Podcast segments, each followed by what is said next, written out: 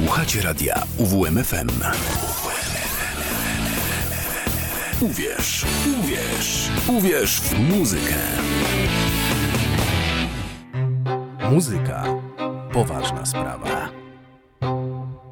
Dobry wieczór Państwu. Jak co dwa tygodnie z Kortowa kłania się Krzysztof Szatrawski w audycji Muzyka Poważna Sprawa.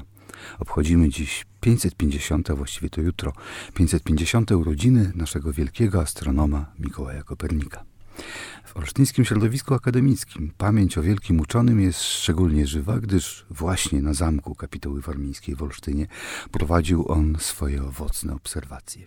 Wprawdzie urodził się w Toruniu, ale duch miejsca, w którym wydarzyły się przełomowe dla ludzkości badania, nie pozwala nam zachować się obojętnie. Spróbujmy uczcić tę wyjątkową okazję muzycznie. Kopernik był nie tylko genialnym astronomem, ale także polihistorem, doktorem prawa, teologiem, poetą, ekonomistą, kartografem, teoretykiem i praktykiem wojskowości. Już w tej rozległości zainteresowań można rozpoznać człowieka renesansu. Zasłynął jednak jako wielki astronom, który zmienił nasze spojrzenie na wszechświat, odwracając perspektywę poznawczą, przez co stał się także inspiracją naukowców, badaczy, poetów, muzyków i artystów w zasadzie każdego twórczego człowieka. Studiując poglądy wielkich ludzi, usiłując poznać drogę, jaką pokonali w swym rozwoju, czynimy to nie tylko po to, by zachwycać się ich wielkością, ale również po to, aby przejąć jakąś część ich doświadczenia. Okres życia Mikołaja Kopernika przypada na epokę przejściową. Proces wielkich zmian w kulturze związany był z zamieraniem późnego średniowiecza i rodzeniem się wczesnego renesansu. W niektórych dziedzinach duch średniowiecza trzymał się jeszcze całkiem mocno, w innych ożywcze prądy zmieniały perspektywy intelektualne i potrzeby duchowe. Należała do nich muzyka, w której za życia Kopernika panował już renesansowy styl i porządek. Jeden z najwybitniejszych polskich kompozytorów tej doby, Jerzy Liban z Legnicy, był o 9 lat starszy od Kopernika. Studia na Akademii Krakowskiej zaczął 3 lata po Koperniku, bardzo więc możliwe, że się spotykali. Jerzy Liban, podobnie jak Mikołaj Kopernik, posiadał rozległą wiedzę i bogate zainteresowania, znał łacinę, grekę i hebrajski, był teoretykiem muzyki, filologiem i pedagogiem, miał wkład w rozwój tak odległych dziedzin jak filozofia, historia, medycyna, prawo, teologia i muzyka, której poświęcił aż dwie rozprawy. Można powiedzieć, że Liban i Kopernik należeli do tej samej formacji kulturowej. Posłuchajmy pieśni Jerzego Libana, Ortus de Polonia, skomponowanej w 1501 roku. Wykonuje polski chór kameralny Schola Cantorum Gedanensis. w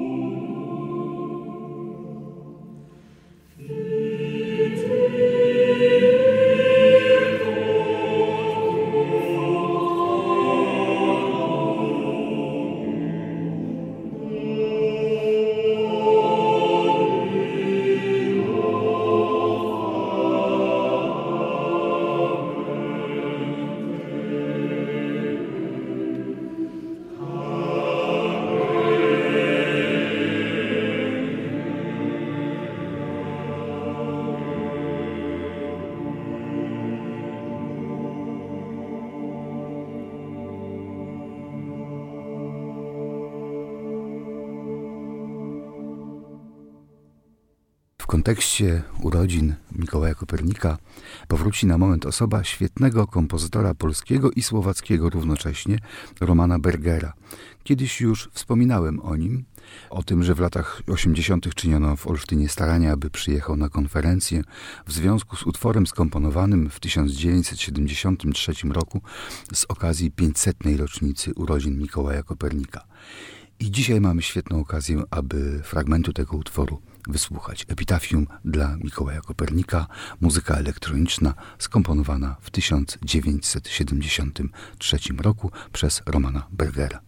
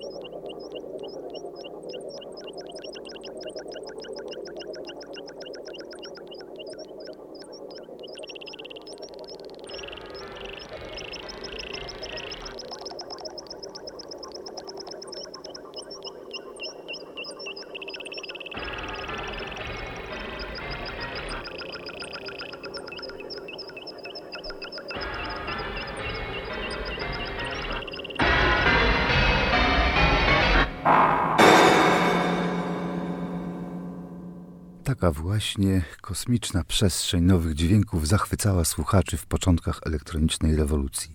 A były to czasy, kiedy syntezatory zajmowały całe studia, na cyfrowe instrumenty trzeba było jeszcze czekać ponad 10 lat. Pojawiły się one dopiero w drugiej połowie lat 80. i paradoksalnie technologiczny postęp sprawił, że oferowane przez nie dźwięki stały się bliższe naturalnym. Te pierwsze syntezatory oparte na oscylatorach brzmiały odmiennie od wszystkiego, co wcześniej można było usłyszeć. Kiedy okazało się, że te nowe przestrzenie brzmieniowe są tak atrakcyjne, kompozytorzy odważniej poszukiwali podobnych efektów w różnych zestawieniach tradycyjnych, chociaż prawdą jest także i to, że rewolucję estetyczną przygotowali kompozytorzy pierwszej połowy XX stulecia od Debussy'ego do Weberna. Próbki takich kosmicznych brzmień można znaleźć w utworze Bronisława Kazimierza Przybylskiego In honorem Nikolai Kopernici. Posłuchajmy czwartej części tego dzieła De Revolutionibus Orbium Celestium w wykonaniu Orkiestry Polskiego Radia i Telewizji w Krakowie dyryguje Bogusław Dawidow.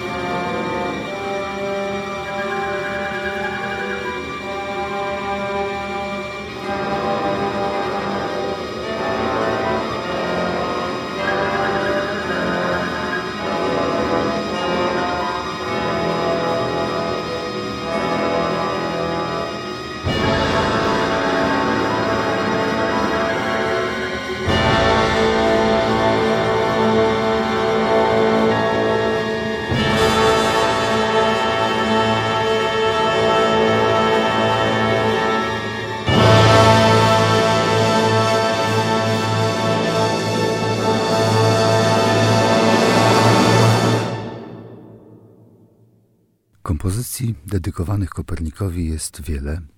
Nie wszystkie jednak zostały nagrane i nie wszystkie nagrania są dostępne.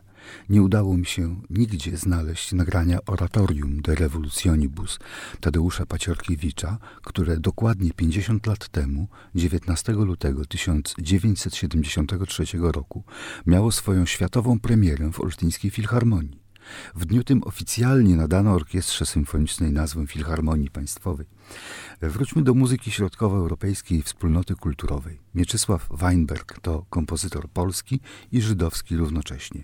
Urodzony w Warszawie w 1919 roku, należał do pierwszego pokolenia wychowanego w wolnej Polsce. W 1939 roku, uciekając przed Niemcami, znalazł się w Mińsku, a później w Moskwie, gdzie osiadł na stałe. NKWD zmieniło mu imię z Mieczysław na Mojsze. Pracował jako nauczyciel kompozycji, przyjaźnił się z Dymitrem Szostakowiczem. Po przemianach demokratycznych w Rosji powrócił oficjalnie do imienia Mieczysław. Mieczysław Weinberg był twórcą płodnym, chociaż przez całe życie marginalizowanym. W okresie socrealizmu zbyt awangardowy, w czasach nowszych nazbyt klasyczny. Dopiero na przełomie tysiącleci odkryty jako twórca muzyki świeżej, błyskotliwej, poruszającej i dającej do myślenia. Posłuchajmy dwóch fragmentów sonaty na kontrabas solo op. 108 z 1971 roku w wykonaniu Karola Kowala, wirtuoza umiejącego zrównoważyć wirtuozowską technikę z pięknym, głębokim brzmieniem kontrabasu.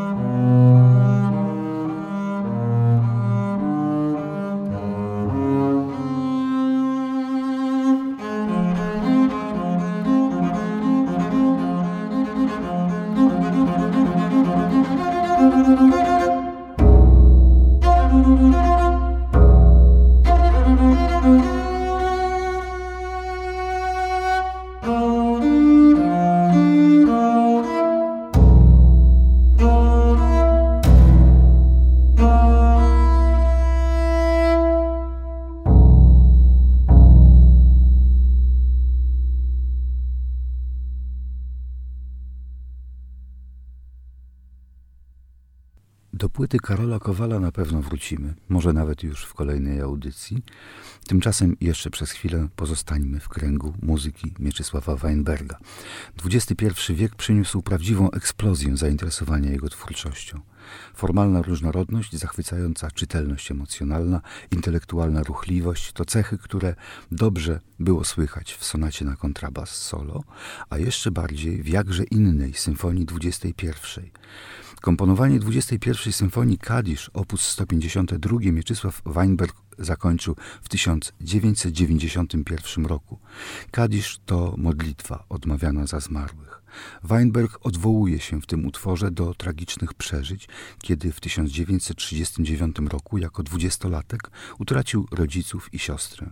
Nigdy nie udało się ustalić, gdzie i w jakich okolicznościach zginęli najbliżsi mu ludzie. Może dlatego o tej skomponowanej w wieku 72 lat symfonii kompozytor powiedział, że jest to jego najważniejszy utwór. Pamięć Holokaustu nadaje temu dziełu wymiar osobistego rozliczenia.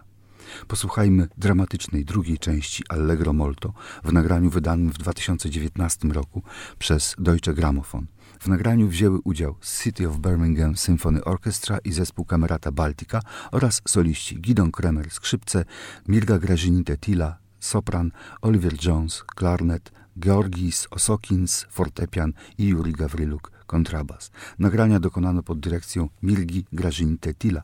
I tu powinienem dodać kilka słów. Mirga Grażin-Tetila, urodzona w Wilnie w muzycznej rodzinie w 1986 roku, należy do grona najmłodszych dyrygentów, dyrygentek odnoszących sukcesy na światowej scenie. Jest ona też pierwszą w historii dyrygentką, która podpisała kontrakt na wyłączność z wytwórnią Deutsche Grammophon. A pierwszą płytą nagraną przez młodą dyrygentkę dla tej wytwórni był właśnie album z dwiema symfoniami Mieczysława Weinberga. Przed kilkoma miesiącami wytwórnia Deutsche Grammophon wydała kolejną płytę Milgi Grażin Tetila z nagranymi podczas pandemii symfoniami trzecią i siódmą oraz pierwszym koncertem fletowym Mieczysława Weinberga.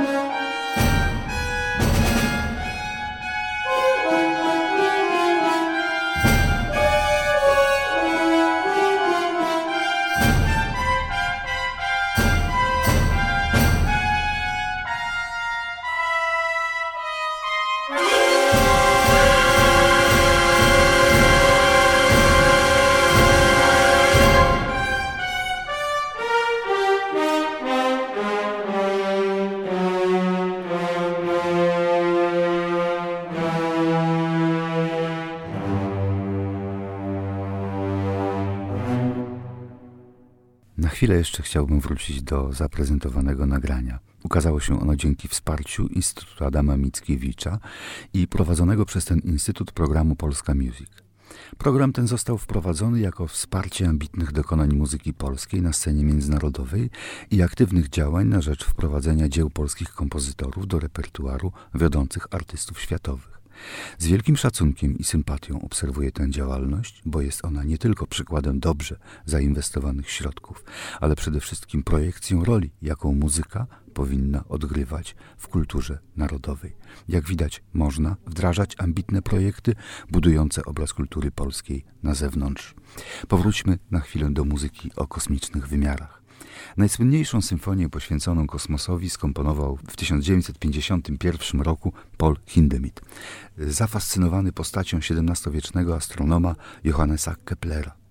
W trzyczęściowej symfonii Die Harmonie der Welt, co można przełożyć jako harmonia świata, ale także jako harmonia sfer, kompozytor odwołuje się do średniowiecznej teorii kosmosu rozbrzmiewającego muzyką.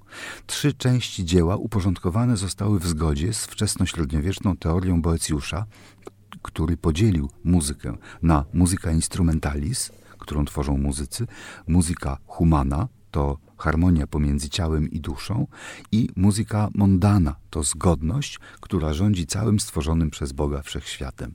W średniowiecznej wyobraźni tory planet były niczym obracające się niewidzialne, jednak całkiem realne sfery, które Podobnie jak w szklanej harmonice, pocierając się o siebie, tworzyły dźwięki i muzykę, której człowiek wprawdzie nie może usłyszeć, która jednak buduje harmonię, w jakiej trwa cały kosmos i ludzkie życie. Posłuchajmy fragmentu tej trzeciej części, który ma obrazować owe rozbrzmiewające kosmiczną harmonią sfery w wykonaniu Melbourne Symphony Orchestra pod dyrekcją Wernera Andreasa Alberta.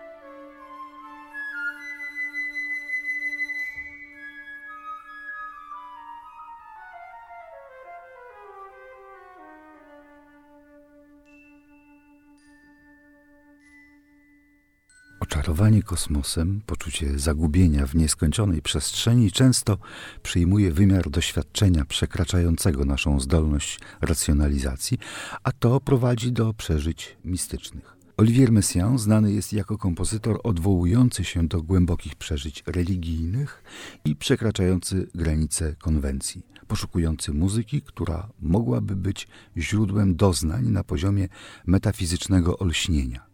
Takie dzieła jak Dwadzieścia spojrzeń na Dzieciątko Jezus, Kwartet na koniec świata czy Katalog ptaków wyznaczyły własny, niezwykle oryginalny kierunek stylistyczny, który kontynuują kompozytorzy współczesnej, dzisiejszej awangardy. Jego symfonia Turangalila jest jedną z najsłynniejszych symfonii dwudziestowiecznych i na pewno chciałbym ją kiedyś zaprezentować. Dzisiaj jednak inne, późniejsze dzieło Messiana, De Cagnon aux Étoiles, od kanionów do gwiazd. Może to przypadek, a może nie, nie udało mi się znaleźć potwierdzenia, ale kompozycja ta powstała w latach 1970 74, a więc w okresie, kiedy wielu kompozytorów obchodziło 500. rocznicę urodzin Mikołaja Kopernika. Oficjalnie inspiracją Messiana była podróż do USA i zachwyt rezerwatami przyrody, w tym The Grand Canyon. Jest to wielka, trwająca dwie godziny kompozycja orkiestrowa, w której zachwyt urodą ziemskiej natury i dramatyzm życia kompozytor wywiódł z ponadczasowego kosmicznego ładu, śledząc głosy ptaków, poszukując logiki w ewolucyjnym rozwoju organizmów żywych, podąża od geologii i biologii ku gwiazdom, ku najdalszym zakątkom kosmosu i jeszcze dalej do raju i do Boga. Nie potrafię się oprzeć świadomości bliskich związków pomiędzy poglądami kompozytora i filozofią Taylarda de Chardin.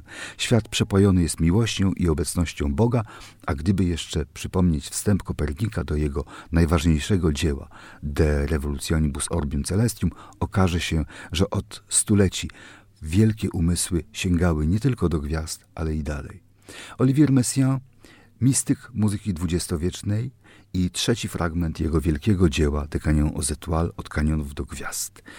Fragment ten nosi tytuł Sequit et écrit sur les étoiles, co jest napisane w gwiazdach. Nagranie London Sinfonietta na fortepianie Paul Crossley dyryguje Esa-Pekka Salonen z płyty wytwórni Columbia Masterworks.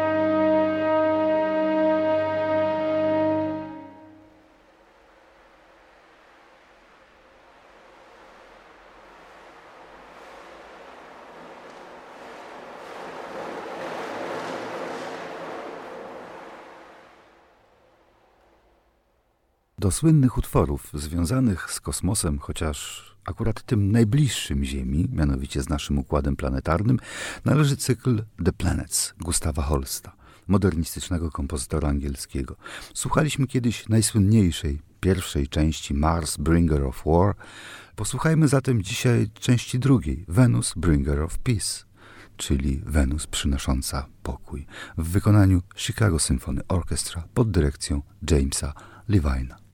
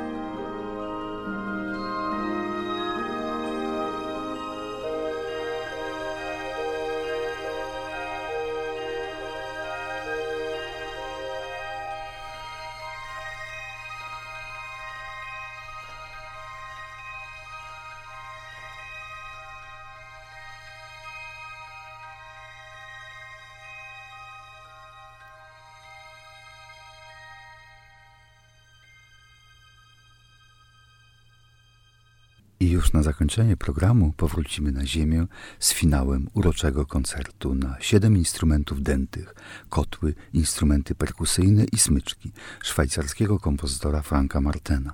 Utwór skomponowany w 1949 roku wykonuje Concertgebouw Orchester Amsterdam pod dyrekcją Ricardo Chailiego. I to już będzie ostatni dzisiaj punkt programu. Jutro mamy 550. urodziny Kopernika, a już za dwa tygodnie kolejną audycję, którą zgodnie z obietnicą poświęcę muzyce kobiet. Ze studia UWMFM kłania się Krzysztof Szatrawski. Życzę miłego wieczoru i do usłyszenia.